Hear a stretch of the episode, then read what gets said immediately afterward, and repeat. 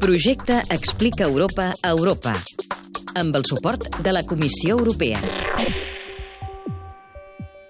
Al juny s'havien de reprendre les negociacions, però es va tornar a aturar el procés en represàlia per com les autoritats turques van reprimir l'onada de protestes populars contra el govern que va començar a Istanbul a causa d'un projecte urbanístic i que es van estendre per tot el país ampliant les demandes populars a una major democratització dels organismes de govern.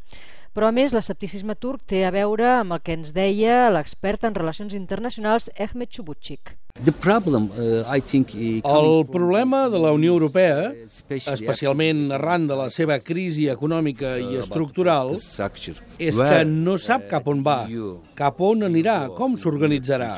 I els que aquí són contraris a la UE exploten els problemes que hi ha a Grècia i a altres països. Entre els temes de més difícil resolució en les negociacions per l'adhesió i el reconeixement turc de la República de Xipre.